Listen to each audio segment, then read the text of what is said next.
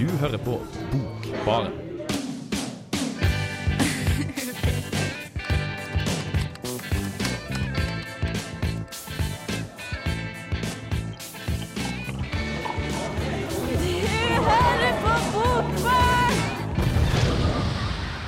Det gjør du. Jeg heter Kristine Bangstad Fredriksen, og sammen med meg i dag så har jeg Martin Ingebrigtsen, Idun Fivelstad og Vida Sundset Brenna. Eh, Vi skal gi deg litt av hvert, hovedsakelig poesi. Eh, Og jeg tror bare vi skal starte i gang med en gang med ukas dikt, som er laga av eh, Idun. Hun skal gi dere Pål Helge Haugen 'Utafor vindauga'. Det kommer rett etter 'Anana', tredjegrads forbrenning.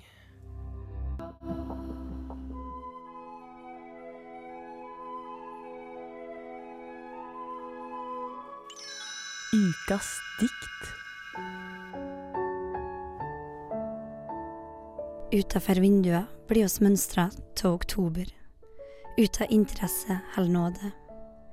Oktober stjer store stysj av landskapet, og lett dem flamme opp i gult og rødt før han lett dem lessen og fell til jorda, og lett vera stille oss stat att, avkledd og synlig, for å støtte opp den ensfarga himmelen og de grovt opprissa tankene oss har i oktober.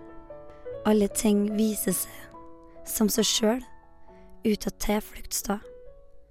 Sten, vatn, luft, stol, bord, menneske.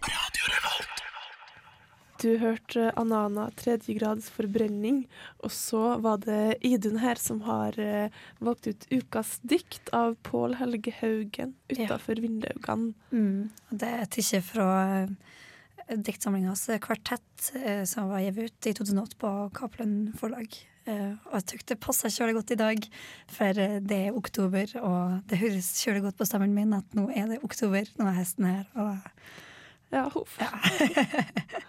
Vi er flere. Så da passa det kjølig fint å legge på det. ja.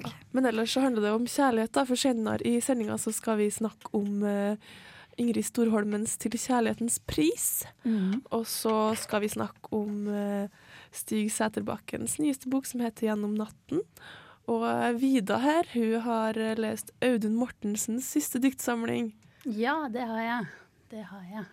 Kan det kalles diktsamling, egentlig? Fordi at Audun Mortensen Mortensen er jo på en ja. måte mer en slags performance enn en, enn en eh, poet, da. Ja, men man må ikke bry seg så mye om personen når man leser en bok, må man vel? Jeg var på en fest med han eh, en gang, og han satt i et hjørne med telefonen sin og trykka på den hele kvelden, og det var liksom Han var helt utafor. Nå har jeg i hvert fall lest uh, dikt i en bok, og da kaller jeg det en diktsamling. men det er jo, den er jo utgitt på Flamme, den som den forrige diktsamlingen jeg anmeldte. Ja, Og jo, igjen så er det klipp og lim fra internett, så jeg lurer på om det er en sånn flammegreie. ja, ja, det er jo Flammes uh, store salgssuksess. Det er jo Audun Mortensen. Men det som er denne gangen, at det er super uh, shoegaze. Det handler om uh, ikke Audun Mortensen, men et dikt som er opptatt av seg selv. Så dette, ja, det blir spennende. Ja. Men jeg tror at eh, skal vi egentlig bare høre på det? Uh, først så skal vi høre eh, Feist, uh, 'How Come You Never Go There', og så kommer vi da og snakker om Audun Mortensen. Alaya er Audun Mortensens andre diktsamling. Alaya er også en amerikansk R&B-artist som døde på Bahamas, bare 22 år gammel, etter å ha spilt inn musikkvideoen til låten 'Rock the Boat'. Alaya toppet Billboard eh, post mortem, men hadde rukket eh, å bli en etablert musiker før hun døde, og samarbeidet med bl.a. Timbaland, Missy Elliot, og muligens også giftet seg med R. Kelly som 15-åring. Uansett er det ikke akkurat kontroversielt å si at hun ikke fikk utnyttet potensialet sitt fullt ut, fordi hun døde altfor tidlig. Diktsamlingen Elia av Audun Mortensen er ikke en sentimental hyllest til henne, men Mortensen serverer et dikt som heter Rock the Boat. Og vet man som leser at Rock the Boat er Elias siste musikkvideo, blir det også naturlig at det er en båt på omslaget til diktsamlingen. I tillegg er båten også et bilde av konseptkunstneren Bastian Ader. Ader forsvant da han som en del av kunstprosjektet In Search of the Miraculous skulle krysse Atlanteren alene i en seilbåt. Bastian Aider er også en kunstner som døde ung, og uten å rekke å sette et punktum i kunstgjerningen sin. Diktene er en øvelse i referanser til internett, sosiale medier og popkultur. Og de inneholder dikttitler som dikt basert på tagged photos og en kommentar av Anonym. En kommentar av Anonym. Fin blogg du har. Ses på spinning etterpå. En kommentar av Anonym. Så fint bilde av dere. Ses på spinning etterpå.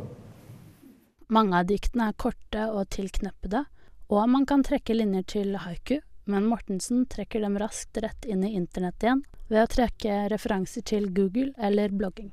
Man finner også dikttitler som Blood Sugar Sex Magic, Die Hard, Kylie Cyrus og Miley Minogue. Diktet Stephen King er i et litt lengre format og strekker seg over noen sider, uh, og inneholder verselinjer som Mener du Ronald Barth? Eventuelt Donald.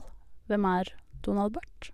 Du finner ikke en eneste stor bokstav i diktsamlingen, og det går an å lure på om han er altfor kul for å trykke inn skift og lage stor bokstav. Teksten går altså ikke inn for å fremstå som monumental, men er nede på et uh, gement plan, bokstavelig talt. Språket vitner om at Mortensen skriver nettsjargong flytende. Kan man si at å bruke internett som konseptkunst er opplagt?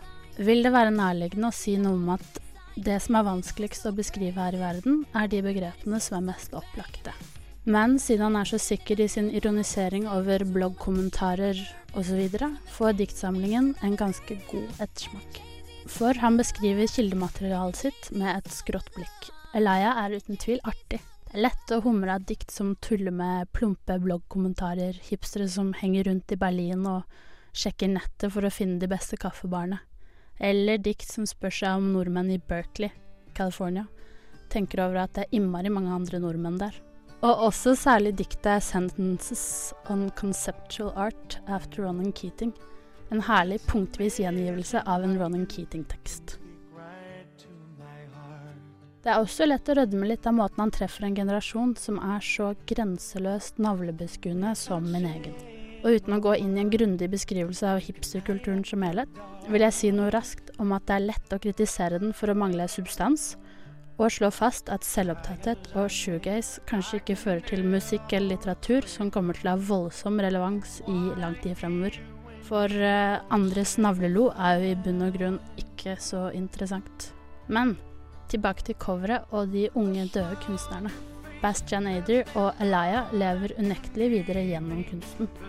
Elia blir sett av millioner på YouTube, og kanskje mener Mortensen at ved å bruke nettet som konseptgrunnlag for diktene, kan han og diktene hans også fortsette å leve. For du kan ikke ta Elia ut av internett selv om hun er dau, og du kan ikke lese Mortensen uten å lese internett. You say it best when you say nothing at all. ja, Ronan Keating. Tusen takk. ja. Jeg liker kontentet med det, da. ja. Sprita opp litt. Det er ikke så ofte ja. så jeg vet ikke, jeg syns slutten symboliserer litt uh, hva noen, kanskje ikke mange, synes om Audun Mortensen. Du sier det best når du ikke sier noen ting i det hele tatt. Hva du sier Martin? Nei, altså uh, Ja. Nei, jeg tror ikke, jeg tror ikke at Jeg tror jeg har vært, uh, vært på lufta før og kritisert uh, Flamme forlag, og kanskje spesielt Audun Mortensen. Uh, rett og slett fordi jeg ikke ser den, altså, den jeg, jeg, får, jeg, får ikke, jeg, får, ikke, helt til å, å, å se det, det litterære i, i, det å trykke en bok med Facebook-oppdateringer. Uh, altså, det veldig lite relevant, og det er navlebeskuende, og det er alt sånn der. Det er, alt, det er så irriterende, fordi jeg sitter liksom høres ut som Gert Nygaardshaug, uh, og det hater jeg med meg sjøl. Så jeg er fullstendig klar over at dette her ikke er til meg. Det er liksom en, jeg er nå liksom en sånn 50 år gammel mann som sitter og klager over barne-TV. Uh, og det liker jeg ikke med meg sjøl. Og, og, det igjen da liksom fyller på den her aggresjonen jeg har, uh, fordi jeg føler meg gammel og har ikke lyst til å føle meg gammel. Og det, alt er bare suppe og irriterende. Ja, men da tror jeg vi skal spørre Vida, som er litt yngre enn deg. En hel barneskole yngre, kanskje. Så. Ja, jeg tenker jo at, at, konseptkunst, hvor man bruker elementer fra liksom, dagens samtid, vår samtid, uh, det er jo ikke barne-TV. Å si at uh, konseptualisme er barne-TV, det, det gjør at man kaster eh, kull på en stor del av forrige århundrets uh, litterære og mm, kunstneriske tradisjoner. Martin kan få en replikk. Uh, ja, ja, nei, men, uh, greit å si at det er konseptualitet og performativitet og alle disse begrepene som, er, som liksom passer inn i samtidskunsten, er jeg helt med på, for jeg ser den i, i syntaksen til Audun Mortensen. Jeg ser at det er på en måte den lista han legger seg på. Men da klarer jeg på en måte ikke å se hvordan det på noen som helst måte er litteratur. da. Og det er kanskje der, det der jeg misforstår greia. Eh, fordi jeg ser en eh, kunstner som bedriver litteratur, men som litteratur kommer til kort. Eh, og det der er detter av. Det der jeg ikke forstår. Ja, jeg kan på en måte være enig i at språklig og litterært sett så kommer de diktene hvor han forsøker seg på å ikke bruke copy-paste kanskje litt til kort. Det er ikke en symbolbruk som er uh, tung og stor og som, uh, som treffer meg midt i hjertet. Samtidig så er det noe med at litteraturen må kunne beskrive virkeligheten uten at den blir uh, omtalt som billig eller lettvint. Og det, jeg føler litt at det er det kritikken mot Mortensen faller litt på, da. Ja, men det, det stemmer jo på en prikk, for jeg synes jo nettopp at han er billig og lettvint. Eh, så jeg er, jo, helt med på det du sier der. Uh, og jeg skjønner også at uh, her er Altså, jeg, jeg liker ikke begreper som generasjonsting. altså, jeg synes det blir, det blir en forenkling av problemet, for det her er ikke en generasjonsting. Akkurat like lite som at det ikke er så mange år mellom oss to at det skulle ha noe å si. Det er vel heller en sånn, sånn Det handler om litterært grunnsyn, da, tror jeg. Og sånn sett så er han jo interessant, fordi han setter seg sjøl i, i, en, i en kontroversiell stilling. Eh, men eh, vil det eh, dermed si at siden noe er kontroversielt, så er det bra? Jeg vet ikke. Ja, men jeg tenker også at, at Uh, han kommenterer jo ikke Han kommenterer jo ikke liksom deg eller dere, hvis jeg får lov til å generalisere. Han kommenterer jo ikke så veldig mye de gamle. Han kommenterer jo seg selv, ikke sant? og kanskje det også oppleves som litt provoserende at eh, den litt eldre litterære garde blir utelatt i diktsamlingen hans. Når, når ble jeg den eldre litterære garde? Og så skriver du satte master, liksom. Jeg er ikke, jeg, jeg, jeg, er ikke så gammel. Det er greit at jeg har skjegg, på en måte. Eh, Men eh, altså, det, det jeg vil si at det jeg blir eh, provosert av, da, hvis jeg blir eh, provosert av noe, for det, er såpass må jeg innrømme, jeg blir, eh, jeg, blir- provosert av det her, eh, så er det jo nettopp den her eh, som poseringa eh, som, som jeg føler at er involvert i prosjektet. Eh, At det er mm, At det er så kult, da. Men altså, gir det ikke en viss kvalitet til det her, det at faktisk har evne til å provosere? Eh, provokasjon for provokasjons skyld syns jeg jo på en måte er helt meningsløst. Uh, Ja, da men kan altså, jeg, da kan vi jo like godt smøre seg inn i bæsj og gå på Trondheim Torg og danse. Liksom. eh, Det, bloggfenomenet. Det er ting som er veldig sentralt i altså, du, du, i, dagens Norge for folk på min og Vida sin alder. Kanskje Nei, ikke altså, det. og nei, altså, hvis, jeg, hvis jeg skal snu på den, så kan jeg jo godt være med på at det er veldig barnslig å like Audun Mortensen. Men uh, nå skal vi jo ikke gå dit, da, som jeg har sagt. Eh, eh, nei, men altså Og du som begynte. Men nei, altså, jeg kan på en måte ikke si noe annet enn enn- det jeg sier, da. At um, det er en ting å være kontroversiell. og det i seg selv er ikke nødvendigvis et kvalitetstegn, da, selv om det sannsynligvis røsker opp i noen oppfatninger som trenger å bli røska opp i. Eh, Men-. Men Vida, du har med deg også ei anna bok av eh, Audun Mortensen. Har du sett på den? Ja, den har jeg tittet litt på. Det er jo roman, uh, som er hans roman. Roman eller roman? Ja, Det kommer an på hvordan man ser det. det er litt sånn, han, Etter uh, debutsamlingen hans eh, så var det jo kanskje forventa at han skulle komme med en roman. Noen gledet seg i hvert fall til det. Uh, og så kom det jo da roman, eh, som er eh, Lolita av Nabokov. Eh, egentlig baklengs. Mm, avsnitt for avsnitt. Ja. Og det er jo bare tull. Men det her er gitt ut eh, mellom to stive permer og blir det lest? Har du lest den? Jeg har ikke lest den. Har du lest den? Nei, jeg har ingen planer om det heller. Nei, men det som er, er at det er jo et litt sånn fuck you til uh, det etablerte som Til sa meg? at Nei, ja, ikke sant? Der ødelegger du hjernen vårt. Nei, det er et fuck you til det etablerte som sa at uh, hei, du har kommet med en kjempebra debutsamling, nå venter vi på den store romanen din. Og så lager han da Lolita baklengs med Roman Polanski på eh, coveret, eh, med bildet av han også. eh, I underbuksa. I underbuksa. Og det er jo ikke en roman. det er jo bare tull. Ja. Mm. Ja, det er bra du sier det, i hvert fall. Da er du og Martin dere har en ting Men jeg har jo ikke lest det, jeg vet jo ikke om det er bare tull. Kanskje det er kjempebra. Det er jo kjempebra. Det er jo Nabakov som har skrevet den. Lolita er jo en kjemperoman. Så står Audun Mortensen her, da. Ja, det er jo, da en, det er jo vel kanskje det som er sannheten med modifikasjoner. Uh, jeg vet ikke. Ja, i alle fall, konklusjonen er at det er sprengstoff i Audun Mortensen. jeg tror at uh, vi skal begynne å bevege oss videre. Vi skal snart få høre om 'Gjennom natta' av Stig Setterbakken. Men først Nat Baldwin, 'A Little Lost'. Nat Baldwin, 'A Little Lost'. Martin, Ja, du. Du har lest noe. Eh, som regel. Mhm. Eh, ja, eh, eh, sånn utdyp. Ja, det, det, jeg prøver liksom å Jeg tror det er Eh, en gammel mann. Eh, jeg har ikke lest en gammel mann, jeg har lest en middelaldrende mann. Han er født i 1966. Eh, nå skal det nå sies at eh, Stig Sæterbakken, når han var 14, eller hvor gammel nå Audun Mortensen er, var vel så kontroversiell og vanskelig som det Audun Mortensen er. Eh, han drev og ga ut diktsamlinger på eget forlag som 18-åring. Eh, og de var heller ikke spesielt bra, så vidt jeg husker. Lenge siden jeg leste dem. Men i 97 så slapp han en roman som heter Siamesisk, som ble en knallhit. Og begynnelsen på S-trilogien, som vel står som gjennombruddet hans på slutten av 90-tallet. Ja, 97 til 2000, tror jeg, 2000 tror jeg sist den kom ut. Uh, og det var da Stig Sæterbakken sin inngang til det litterære Norge. Uh, og nå har han da denne romanen som heter 'Gjennom natten', uh, som vel er, i den grad det finnes, en typisk Stig Sæterbakken-roman på veldig, veldig mange måter. Nemlig at den handler om en mann som forteller om livet sitt over 300-ish sider, og så skal man på slutten av den sitte igjen med en slags psykologisk innsikt av den, i den prosessen som mannen da har gjennomgått i løpet av, i løpet av boka. Så sånn sett så har du veldig rett. Det er en veldig sånn uh, uh, selvinvolvert uh, Martin ser på Vida nå, sånn til opplysning. Det er en veldig sånn selv, selvinvolvert monolog. og eh, som alle sammen eh, som eh, har på en måte en bachelorgrad i litteraturvitenskap, vil være i stand til å se på eh, begynnelsen av denne boka her og si det her er en skjønnlitterær roman. eh, et skoleeksempel. Jeg sier veldig mye om, om, om hva jeg synes om den i anmeldelsen min av den, men jeg tenkte kanskje at det var relevant da å si litt hva det her handler om.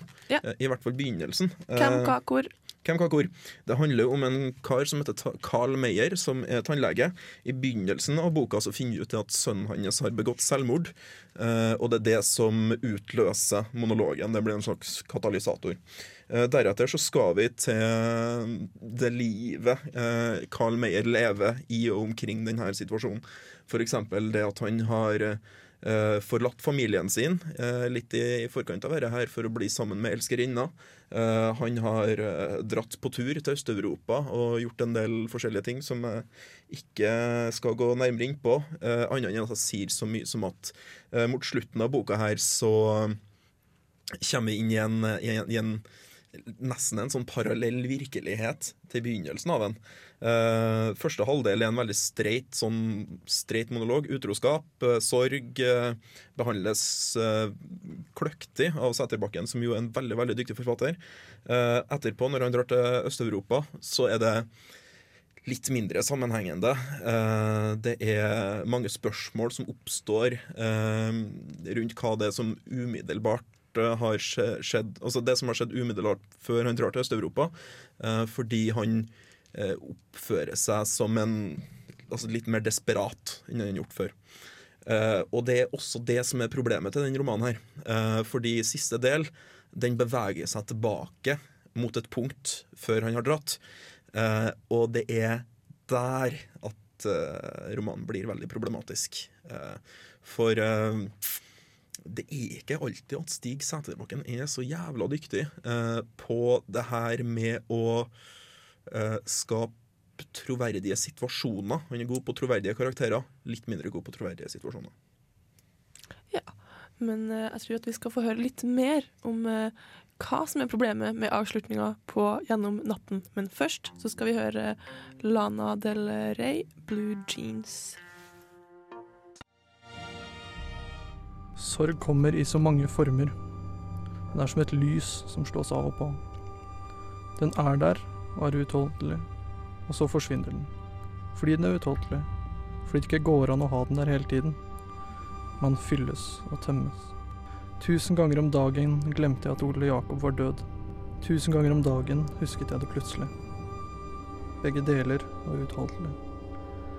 Å glemme ham var det verste jeg kunne gjøre. Å huske ham var det verste jeg kunne gjøre.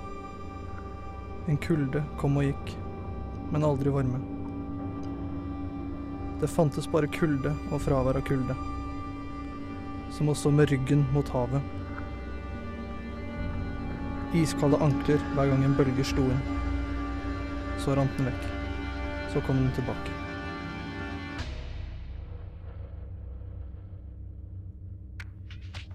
Stig Sæterbakken har et forfatterskap jeg gjennom flere år har lest med stor glede, interesse og oppmerksomhet. Personlig liker jeg essayene hans best. Dem kan man jevnlig finne på trykk i diverse tidsskrifter og aviser. I fjor kom det også i bok som samla mange av de siste. 'Dirty Things' het den, og den anbefaler jeg på det sterkeste. Men av og til skriver han da også romaner, og dem synes jeg er litt mer ujevne. Nå i høst er han aktuell med sorgskildringer gjennom natten. Nesten Stig Sæterbakkens beste bok siden gjennombruddet med siamesisk i 1997. Men som forfatterens siste roman, den pinlig titulerte 'Ikke forlat meg', svikter også den her på oppløpet. Gjennom natta er det faktisk i siste avsnitt at romanen rakner fullstendig og blir en kunstig syndefabel som nesten går fra å være litteratur til å bli en enkel stiløvelse. Men frem til det er romanen fantastisk. Kjempebra. Den er enda et eksempel på Sæterbakken sin eminente skrivekyndighet, på at han har fortjent sin sterke kredibilitet som litterær feinschmecker og absolutist. Dessuten at han i kraft av sin særegne poetikk om monologens form som syntaksdrevet speil for selvets sammensetning, er en av Norges mest vesentlige og bemerkelsesverdige forfattere. Tannlege Carl Meyer, romanens jeg-person, er velskrevet og overbevisende.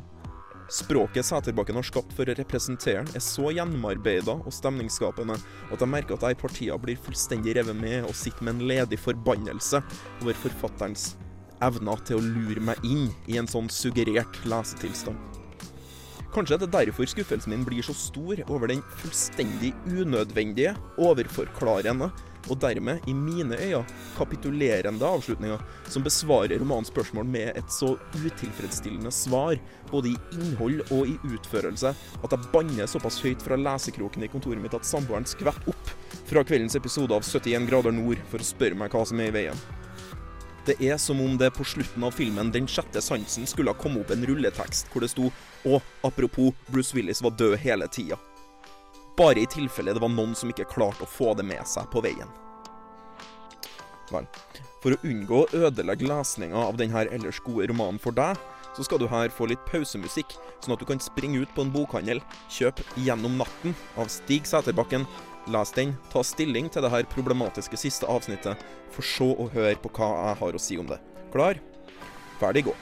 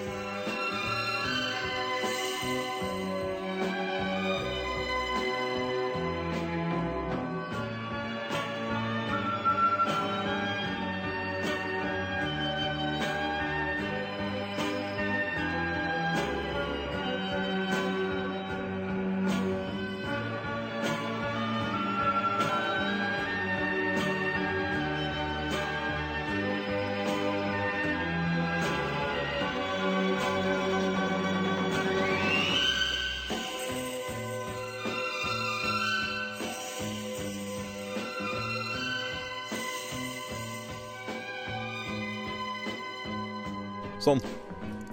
Ferdig? Da vil du forhåpentligvis forstå hva jeg mener når jeg sier at en sånn avslutning på romanen fullstendig undergraver det prosjektet den bygger opp.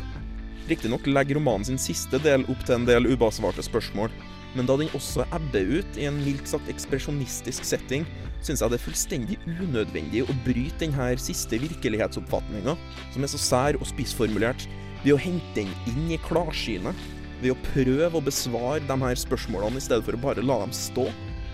Og hvis du først skal besvare dem, ikke gjør det så forbanna slentrete og tilgjort.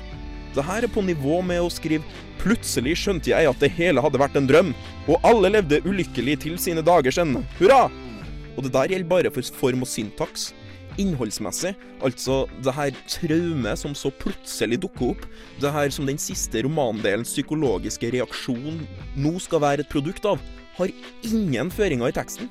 Det er ingen troverdig grunn til at erkjennelsen av det her traumet skulle komme frem så seint som i siste avsnitt. Og resultatet er at det hele fremstår så iscenesatt at Sæterbakken ser ut som at han ønsker å pisse på sitt eget prosjekt. Det er regelrett forræderi av den virkelighetsillusjonen han har bestreba seg på å bygge opp. Som desto mer ligger til grunn for hele poetikken hans, det her innbitte syntaksprosjektet. Tanken om at romanens virkelighet konstrueres av språket. Nå kan det jo selvfølgelig være at det er nettopp det her han har lyst til å gjøre, av en eller annen grunn. Men i så fall så tør jeg å foreslå at det var en kolossal feilvurdering. Så kolossal, faktisk, at det kan virke som at forfatteren fullstendig har mista gangsynet. Det var bare det jeg ville si. Dette er en kjempebra roman, hvis du gjør som jeg har gjort. Ta det i kulepenn og kryssa over det siste avsnittet med store streker. Det er i hvert fall det redaktøren hans burde ha gjort i utgangspunktet. For jeg for min del skulle virkelig ønske at jeg aldri hadde lest det.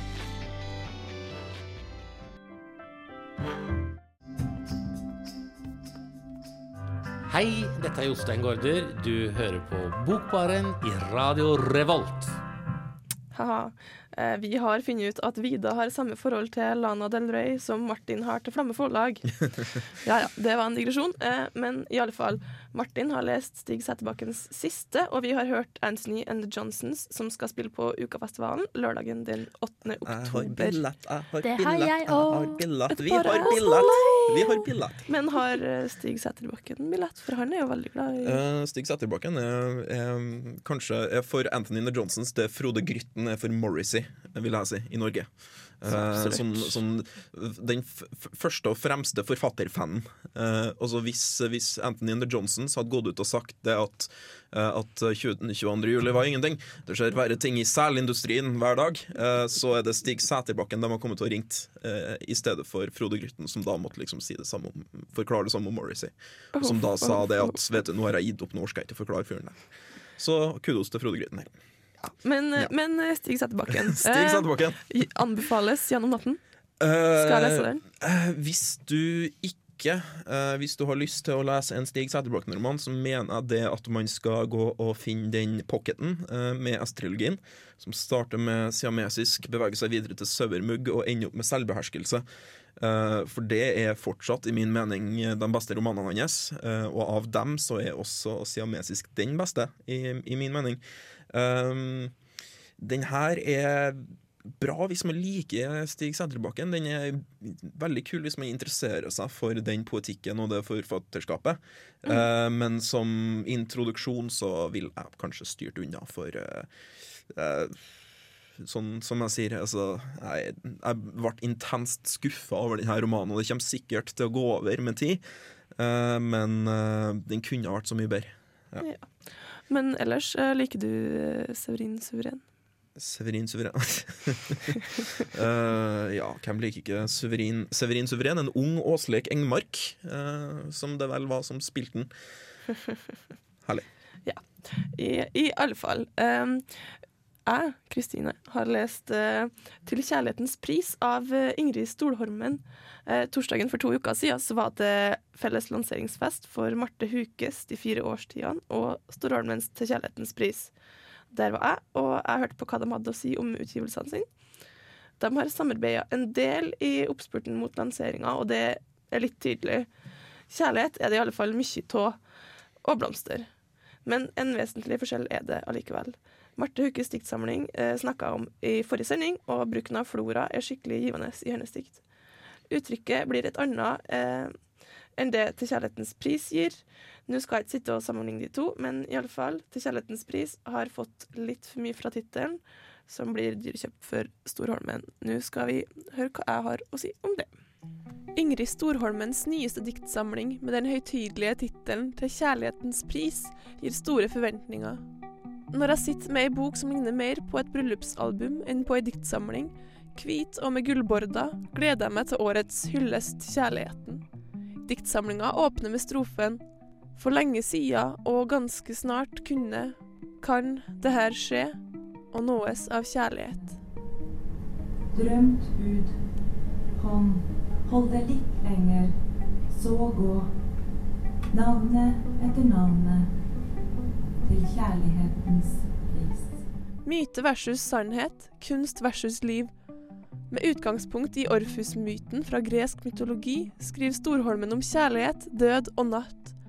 Hun skriver kroppslig, nært og utleverende om et kjærlighetsforhold og om det å mest. I visse partier slår stemninga over fra nært til utleverende, og teksten blir ikke lenger vakker, men pinlig. Allikevel er diktene solide og står seg godt alt i alt.